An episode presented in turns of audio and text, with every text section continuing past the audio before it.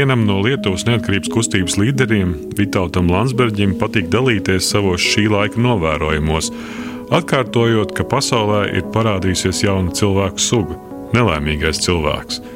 Kādreiz esot bijis homo sapiens, domājošais cilvēks, tad bijis homo ludens, spēlējošais, bet arī homo habilis, prasmīgais cilvēks. Baltijā mēs varam runāt par dziedošo cilvēku, bet tagad karavīgais cilvēks, dusmīgais, viņš nekādi nevarot sev atrast vietu. Kad 1988. gadā Lietuvā tika nodibināta kustības sajūdas, Landsbergs kļuva par tās vadītāju. Līdz pat 2012. gadam bija Lietuvas sēma priekšādātājs. 2018. gadā vēsturnieku un sabiedrības aptaujā tika atzīts par Lietuvas simtgadus trešo svarīgāko cilvēku aiz Jona Basaneviča un Antāna Smetonas. Viņam šogad paliek 90 gadi. Mēs tiekamies viņa viļņas dzīvoklī starp dokumentu kaudzēm un profesoru Flīģeli, un pirms sarunas viņš vēlas noskaidrot, kas tieši šo stundu laikā pasaulē ir noticis. Rādījums Brīvības Bulvārs, mani sauc Gins Grūba, un mans sarunbiedrs Vitauts Landsbergs.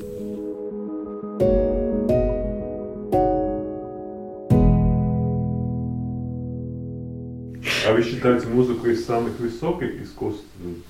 Vai jūs mūziku uzskatāt par visaugstāko mākslu salīdzinājumā ar citiem mākslas veidiem? Nu, da, mūzika, nu, jā, mūzika tas ir kaut kas īpašs. Pat mans kolēģis Ludvigs Van Beethovens ir teicis, ka mūzika ir augstāka par visām filozofijām, par to var aizdomāties.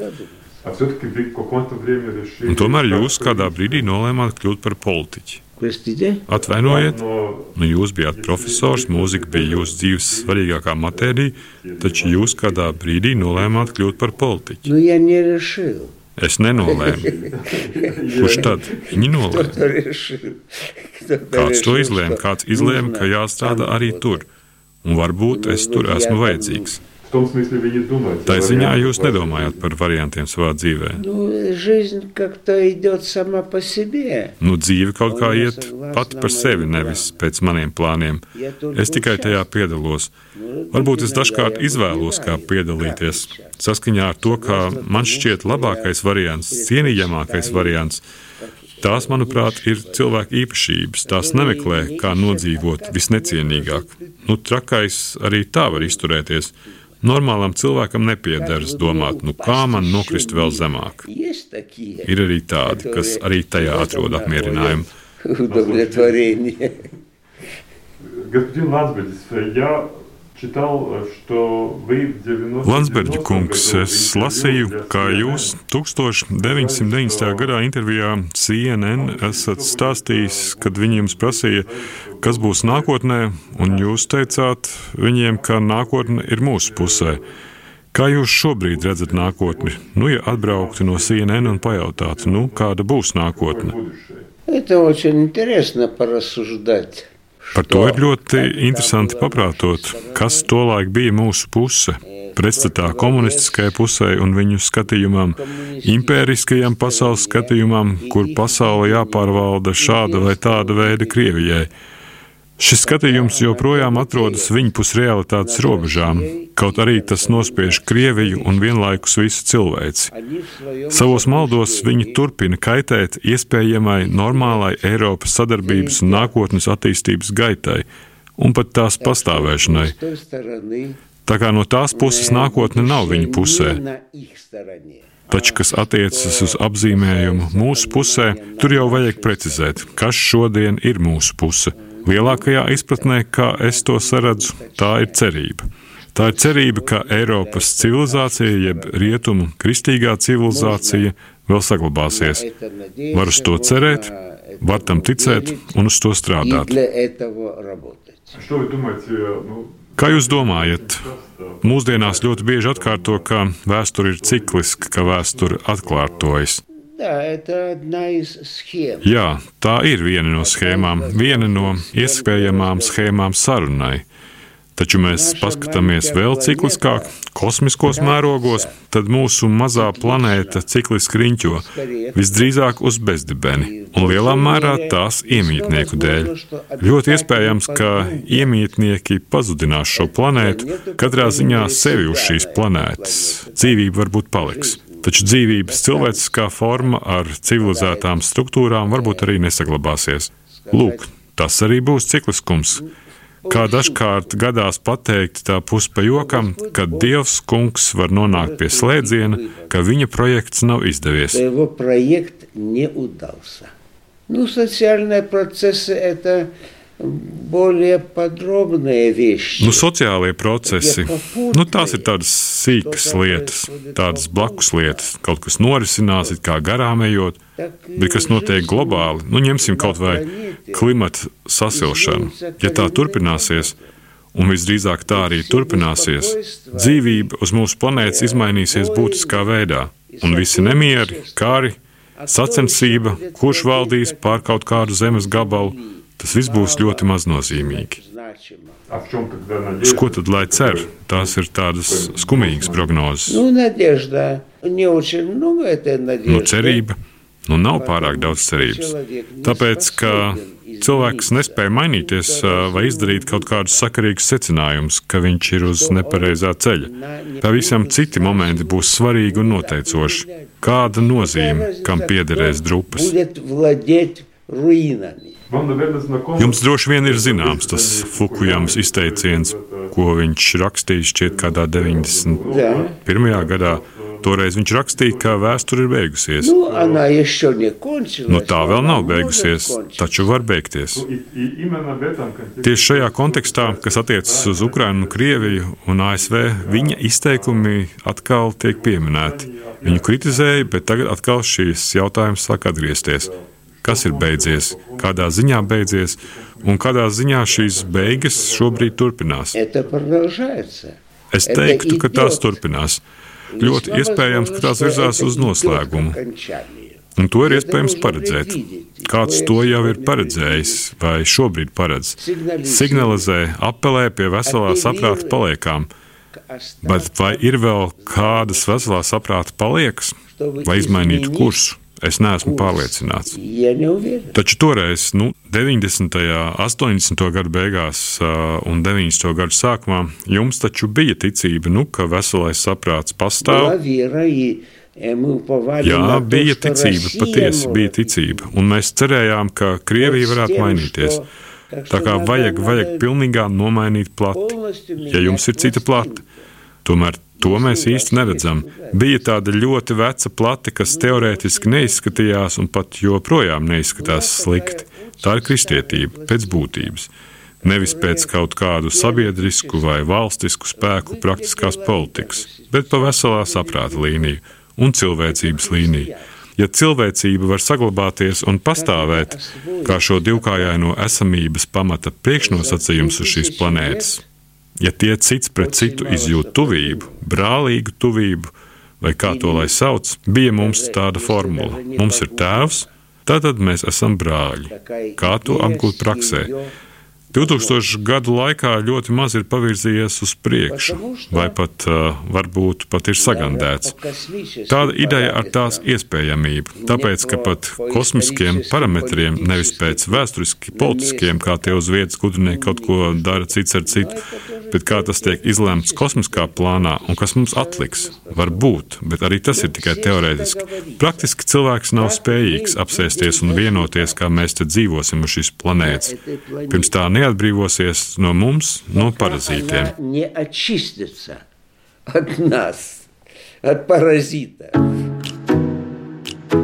Brīvība, robežas, personība, vara, tauta, ideja, viedoklis, nākotne, dzīve un attieksme. Lietuviešu atmodas laika politiķis Vitāls Landsbergis sarunā radījumā Brīvības bulvārs.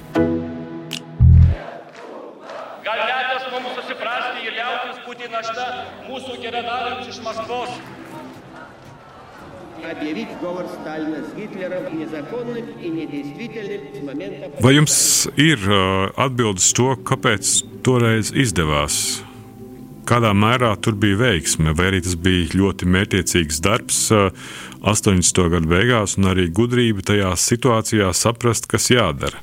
Ну, ш- я думаю, что все-таки... Nu, es domāju, ka tomēr vēl saglabājās un atmodās kaut kāds elements, ne tikai veselā saprāta elements smadzenēs, bet arī sirdī. Baltijas ceļš tas bija tāds eksāmens, kad miljoni cilvēku reāli sajūtās brāļi cits citam, ka viņiem nav kaut kādi savstarpēji rēķini, atriebības, revanšs, tas viss bija nieki, Это было Un tas viss bija jūtu dēļ. Nu, bija nu, tāda sajūta, un tā sajūta likās pat glābjoša. Tā varēja būt glābjoša nevien Baltijai, mēs to likām priekšā arī Krievijai, visām tautām, kas bija zem Krievijas komunas jūga. Un to būtu vajadzējis saprast arī tām valstīm, kas sauca sevi un kuras mēs saucām par brīvām. Taču vai tās bija brīvas no ļaunā vilinājuma? Negluži. Tās taču palīdzēja tam, lai bijusī padomju savienība pārāk nemainītos. Lai tā nekļūtu par kaut ko pavisam citu, kaut vai par rietumu demokrātiju ar valsts varu, kas atskaitās iedzīvotāju priekšā, kas mainās un nepretendē uz mūžīgumu, kā komunā. Mēs esam nākuši uz mūžiem. Ļeņņins atnāca uz mūžīgiem laikiem, Staļins atnāca uz mūžīgiem laikiem, un Padomju Savienība arī pastāvēs mūžīgi. Atliek tikai savākt visu atlikušo pasauli, un viss būs kārtībā. Un pilnīga laime visiem. Mēs taču atceramies. Jūs esat no tādas paudzes, kas atceras, kas tika mācīts. Как вы думаете, будет... Kā jūs domājat, vai pēc trim paudzēm, tiesa gan vēl nav pagājušas trīs paudzes, kad vēsturnieki rakstīs par jūsu laiku, kad jūs bijāt politiķis un mainījāt situāciju, vai arī tas jūs, um, ziniet, ne, tādas formas, kaut kādi koncepti, tie skan it kā pievilcīgi, it kā interesanti, dod iegānstu kaut kādai sarunai, teiksim, kā jūs šobrīd gribat uh, runāt par šo tēmu, bet atvainojiet, tas nav reāli. Tāpēc, ka tas attiecas uz nākotni. Tāpēc, ka vai tā nākotne vispār būs. O, pēc trim paudzēm. Vai maz būs tās trīs paudzes, ja ies vaļā kodolkarš? Ja nesaturēs rokās to spēku, kas lauž sārā un ir spējīgs aprīt visu. Un ko tur sapņot par trim paudzēm, kad mēs nezinām, kas būs pēc trim mēnešiem, vai būs karš? Vai jūs varat pateikt, ka kara nebūs? Citi saka, ka karš jau ir sācies. Karš notiek visu laiku. Var teikt, ka karš sākās pirms simts gadiem un turpinās nemitīgi. Tas ir tāds mākslīgs dalījums. Pirmais pasaules karš, otrais pasaules karš, augstais karš, vēl kaut kādi kiberkarš. Nu jā, tas viss ir tikai tāds iedalījums pēc laika faktora un līdzekļiem. Līdzekļi tiek pilnveidoti, kāpēc iespējas vairāk vairāk un pēc iespējas ātrāk nogalināt. Lūk, uz to cilvēks ir spējīgs. Protams, viņš ir spējīgs arī uz ļoti daudz ko labu. Bet es nezinu, kurā pusē ir nākotne. Varbūt nelabā pusē, vai arī dieva kunga saprātīgā lēmuma pusē, ka mans projekts nav izdevies. Jā, Ukraina arī parāda dažkārt ļoti tādu nu, negaidītu piemēru kaut kādam grūdienam uz brīvības pārmaiņām. Bet pārmaiņām ir jābūt iekšējām. Taču Padomju Savienība izrādījās nespējīga uz iekšējām pārmaiņām, uz garīgām pārmaiņām. Kur palika demokrātiskā Krievija, kur palika Saharovs un visi tie ideālisti, kas redzēja, ka perestroika ir tikai vārds, tomēr pasaule var būt citādāka. Mēs tam noticējām Lietuvā. Varbūt arī Latvijā un Igaunijā. Mēs bijām tāds kloķis, kas kaut ko izkustināja taču mēs nebijām tik ietekmīgi, lai izkustinātu lielus spēkus austrumos un rietumos, izkustinātu nelīgos ceļus. Es lasīju, es nezinu, tādu droši vien joku vai ironiju, kad sākās tās runas, ka Putinam šodienas Krievijā ir impēriski nolūki. Daži jokoja, ja nu kādam varētu būt impēriski nolūki, tad uh, tie varētu būt tikai Lietuvai. Nu, kāpēc mēs runājam par kaut kādiem bērnišķīgiem jociņiem? Nu, joks bija par to, ka Lietuvas gadījumā tas būtu saprotami У людоеда есть Cilvēkēdājiem намерение ir nolūks apēst kādu. Они ищут какой-то... Nu, viņi taču meklē attaisnojumu, vēsturisku attaisnojumu savai rīcībai. Для них Sev. Ну да, там есть... Jā, tur Kremlī sēž politologi, kuri piemeklē teoriju. Теории, да. нет ничего более легкого. Attaisnojums, nu paklausieties. Nav nekā vieglāk, kā atrast attaisnojumu savam netikumam. Es tur neesmu vainīgs, kungs, Dievs man tādu radījis. Man apkārt ir ienaidnieki. Tā kā es vai nu iešu bojā, vai arī man ir jāiznīcina visi ienaidnieki. Lūk, uz šī ceļa mēs redzam gaišo nākotni. Iznīcināsim ienaidniekus un būs labi. Vai mēs esam jukuši? Jā, gandrīz jukuši. Un radām jukušu pasauli, kurā nav zināms, kas sāksies pēc mēneša vai pēc trim mēnešiem, un kāda veida karš, cik simtus miljonu tas aizlaucīs. Nu, un no kaut kādas citas zvaigznes vai citas planētas mēs droši vien izskatāmies pēc idiotiem. Šajā kontekstā es pirms kādu laiku lasīju interviju ar latviešu politiķi Sandru Kalnieti, atmodas laika politiķi, kur izteica tādu domu, ka viņa, tad, kad sāk strādāt Eiropas parlamentā, viņai bija tāds sajūta, ka visi rietumu cilvēki ir tādi naivi attiecībā uz Krieviju. Taču ar laiku viņa sapratusi, ka viņi nav naivi, ka viņiem ir intereses. Nu, это то же самое. Они на- наивны. в Nu, том, что tas ir tas они pats. становились Viņi ir naivi tajā ziņā, ka президентом. viņi ir nosprauduši sava interešu loka robežas. Un pat turien arī rakājas. Rokas kaut kādos tur izmešos, samazgās, izgāstuvē. Tā nu mums šobrīd te ir viena liela cilvēciska izgāstuve. Un tajā ir pa pilnām ideju, tajā izgāstuvē. Nu, var parakāties. Taču kur ir vadzvaigzne? Es atceros. Mans skatījums un secinājums bija tāds, ka visi rietumu politiķi ir marksisti, ka viņiem galvenais ir labklājība, materiāla labklājība un šīs bāzes varas turpināšanās. Ja tu esi labklājīgs, tevi var nomainīt ar citu varu, kā arī centīsies veiksmīgi izgrozīties. Kas ir labklājība? Pilnāka kabata, pilnāks kuņģis, apmierinātāks ambīcijas, un tā jau ir virsotne. Kādā mērā mēs varam cerēt uz to, ka Rietumvalstis palīdzēs Baltijas valstīm, ja sitīs x stundu? Nu, Stunda X jau ir situsi. Nevis Baltijas valstīm, bet Rietumvalstīm. Tā jau ir situsi. Vai mēs zinām, ko darīt? Nu, vai Lietuva zina, ko darīt? Viņi, manuprāt, viņi to vēl nav apjautuši. Viņi vēl nav apjautuši, kas tā krustcelēs. Un izvēle nav liela, kā iet bojā un kādā laika sprīdī. Te nav tā, ka būtu divas pavisam atšķirīgas lietas. Liela atšķirība būtu tad, ja cilvēki un tie, kas ir pie varas, teiksim tā, pievērstos situācijas glābšanai. Nu, nevis sevis glābšanai uz otru rēķinu, bet kopīgās cilvēces situācijas glābšanai.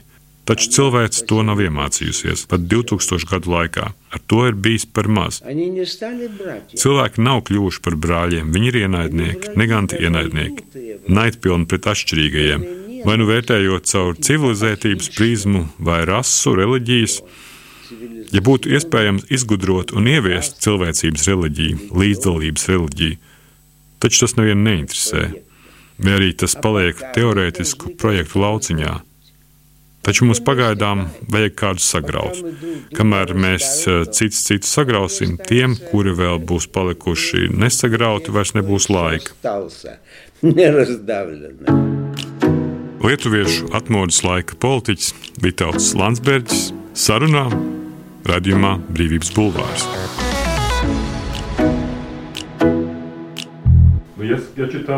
Es lasīju kādā šķiet 1996. gadā, kad jūs intervējāt Dainis Īvāns avīzē, un jūs stāstījāt, ka cerat uz uh, apgaismības darbu, ka tas ir vienīgais, kas Lietuvā lietuviešiem nākamajām paudzēm varētu palīdzēt. Kā jums izdevās? Tas nu, strādā vai nestrādā? Bija raz, raznie ilūzijas. Nu, bija, bija visādas ilūzijas. Bija. Un pati apgaismības ideja, tā taču pāriet no gadsimta gadsimtā. Apgaismotāki ļaudis, kā daži domā, zinošāki. Taču to var pavērst arī šādi - vairāk saprotoši, labāk saprotoši, vai varbūt zinošāk par to, kā lietas darāmas. Tās ir divas dažādas lietas. Domāju, ka naučīt Un jūs domājat, iemācīt nākamajām paudzēm labāku izpratni nav iespējams? Nu, nē, nu, jau. vajag uz to tiekties, taču es te neredzu, ka kāds uz to tiektos. Kā saprast cilvēku, otru cilvēku, kā viņu mudināt, uz labāku izpratni. Tas ir savstarpēja izpratne, ka mums ir kopīgs liktenis. Ja mēs smiedzam nost citu citu, mēs pazudinām sevi. Jūs pats pirms kāda laika sākāt rakstīt grāmatu par jēgu, jā, un jums izdevās rast atbildi. Nu, ir tāda atbilde kā jēgas meklēšana. Tas ir pieļāvums, ka vispār ir jēga, ka mūsu eksistence ir jēga un mūsu rīcībai ir jēga. Taču tas ir pieļāvums. Mēs to pieļaujam. Taču pārbaudīt var tikai darbībām, ar tādām rīcībām, kas ļaus mums turpināt eksistenci, nenogalinot citam citu un neaprijot citam citu. Un nepārvēršoties, kā es to kaut kur pateicu, varbūt pārāk viegli, ka cilvēka priekšā ir divi ceļi - vai nu kļūt par cilvēkēdāju, vai mērķi. Taču kā kļūt par cilvēku, kas būs šī vārda cienīgs, kuram galvenais kopsaucējs būtu cilvēciskums un cilvēcīga attieksme pret otru? Nu, to var saukt arī par tuvāko. Pēc mūsu kopīgā likteņa uz šīs zemes mums visiem būtu jābūt tuvākajiem, tāpēc ka mēs ejam pretī kopīgai bojājai, nevis daļējai, Jūs iesiet bojā, bet mēs paliksim. Nu, bet ko tādā gadījumā var darīt, ja mēs visi ejam pretī bojājai, pēc iespējas ātrāk kaut ko visi kopā, lai mēs visi būtu laimīgi?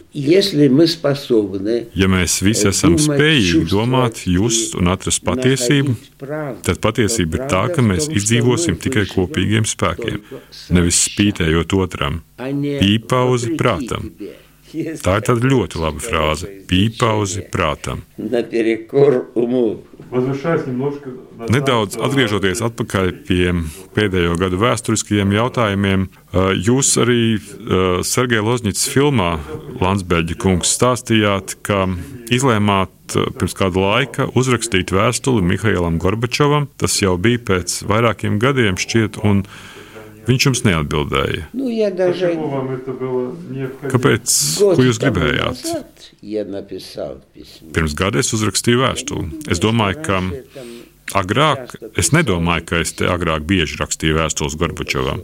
Nu, galu galā man kļuva dīvaini. Kāpēc šis karš pret Lietuvu ar cilvēku piekaušanu 91. gadā tiek izciesāts? It kā ir atbildīgums un atbildīgie, viņi nonāk tiesas priekšā, taču paši galvenie pat nav nopratināti. Kaut kas pavisam jocīgs. Nu, varbūt viņš ir nepieejams, varbūt ierosinājums viņam dot liecību, pat līdz viņam nenonāk. Ir apsvērts gan psiholoģiskā, gan politiskā, kas viņam netraucē ar tādiem. Jūs domājat, ka atbildība kulstas tieši uz Gorbačovu par to, ka 91. gada 13. janvārī gāja bojā Viļņā cilvēki. Noteikti. Viņa personīga atbildība. Nu, es nesaku, ka tikai viņa, tomēr bez viņa tā nebūtu noticis. Kas vēl to nesaprot? Vai izlikties par muļķīti? Viņš teica, ka viņš gulējis. Nu, un man ar to pietiek. Nu, nu ja tev ar to pietiek, tad ej pats gulēt Иди, сам иди спать. Я думаю, ну в том смысле, как Nu, es говорят, domāju, atkal tajā nozīmē, kā mēdz teikt, ka Putins nav Putins. Tā pašā kontekstā, nu, Gorbačovs droši vien arī nebija Gorbačovs. Aiz viņa arī vēl kaut kas bija. Конечно. Я, п- я Protams, пытался es это centos to объяснять paskaidrot rietumu западным politiķiem. Gorbačovs, Gorbačovs, es teicu, par ko jūs runājat? Viņš taču nav tas, kas izlemj. Ir cilvēki, grupas, struktūras, kas izlemj. Viņš ir tikai skairunis, kas varbūt māk to labāk jums iesmērēt, lai jūs apmānītu. Veikls pārdevējs, kas tirgo svešu preci. Preci nāk no sistēmas, no mafiozās, no kriminālās, necilvēcīgās sistēmas. Nu var visādi spriest, no kurienes tā radusies. Nu var vēl vairāk kārt pārlasīt Dostojevsku un atrast atbildes, no kurienes tā vēlnišķība nāk. Kāpēc cilvēks jūg prātā? Starp citu, mans tēvs dažkārt mēdz atkārtot tādu labu krievu izteicienu par kādu vai par kādiem, kas aiz pārpilnības jūt prātā. Aiz pārpilnības prātā jūt.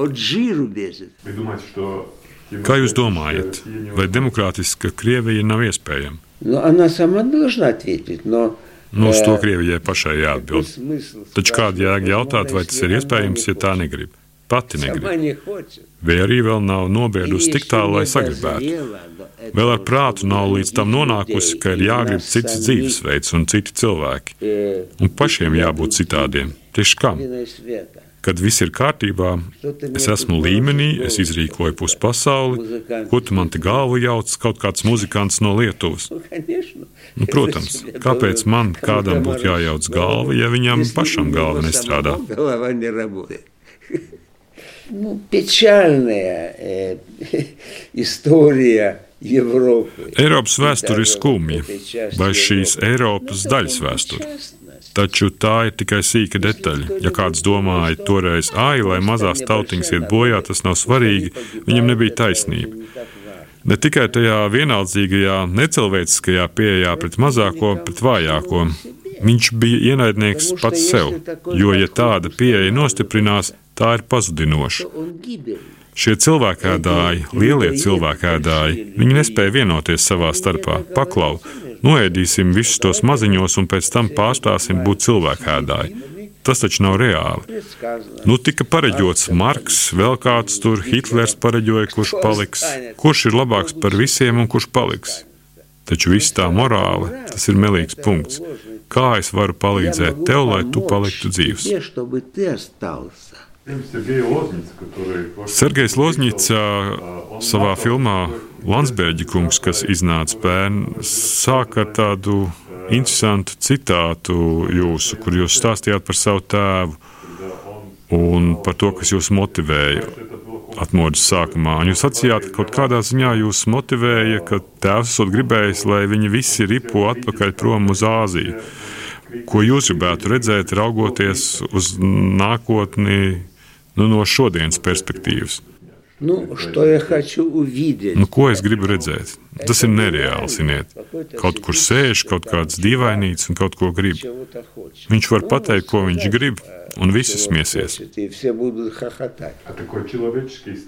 Vai jūs pazīstat tādas cilvēcīgas bailes? Nu, kādā ziņā bailes? Es nezinu, es negribētu pieredzēt nāves bailes, kas man salauztu. Es neesmu pārliecināts. Es negribētu redzēt, kā iet bojā mani bērni, mana tauta, mana civilizācija. Taču pret visu var attiekties fatālistiski. Ja reiz tā ir nolikts kaut kur dabā, mūsu pašu iedabā, ka mēs neesam pelnījuši dzīvot cilvēciskāk. Es nespēju mainīt pat sevi, nerunājot par citiem. это Taču нужно vajag хотя kaut бы ko vai domāt, kaut vai izvēlēties, kaut vai lūgties. хотя бы молиться, Ja ir kaut kāds если augstāks есть spēks, lai высшая tas сила, jums чтобы uh, un mums palīdzētu kļūt labākiem un labākiem cilvēkiem citam pret citu, nevis otrādi. Tāpēc, ka citādi tas ir ceļš uz nekurieni un tikai laika jautājums. Никуда и только вопрос времени. На какой-то очень такой пессимистической ноте. Nu, sanāk mums pabeigt mūsu sarunu uz tādas pesimistiskas nots. Ну, а откуда э, брать какой-то там примитивный... Nu, bet no kurienes lai ņem kaut kādu primitīvu optimismu? No kurienes Покажите parādiet? мне. Ну, хотя иметь сомнения.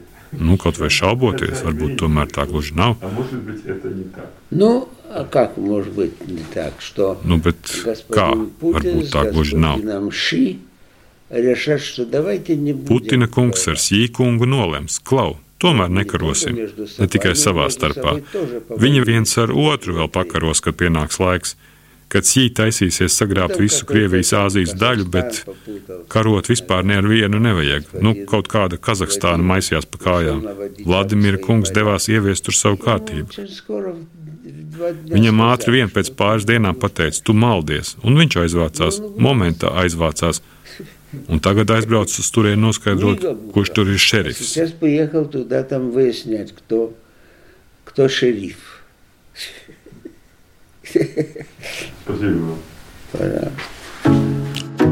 brīvība ir brīvība, nevienlīdzība vai taisnīgums, vai kultūra vai cilvēks laime. Tā teica Iesai Berlīns. Sarunas ar brīvas apziņas un ideju cilvēkiem radījumā Brīvības bulvārs.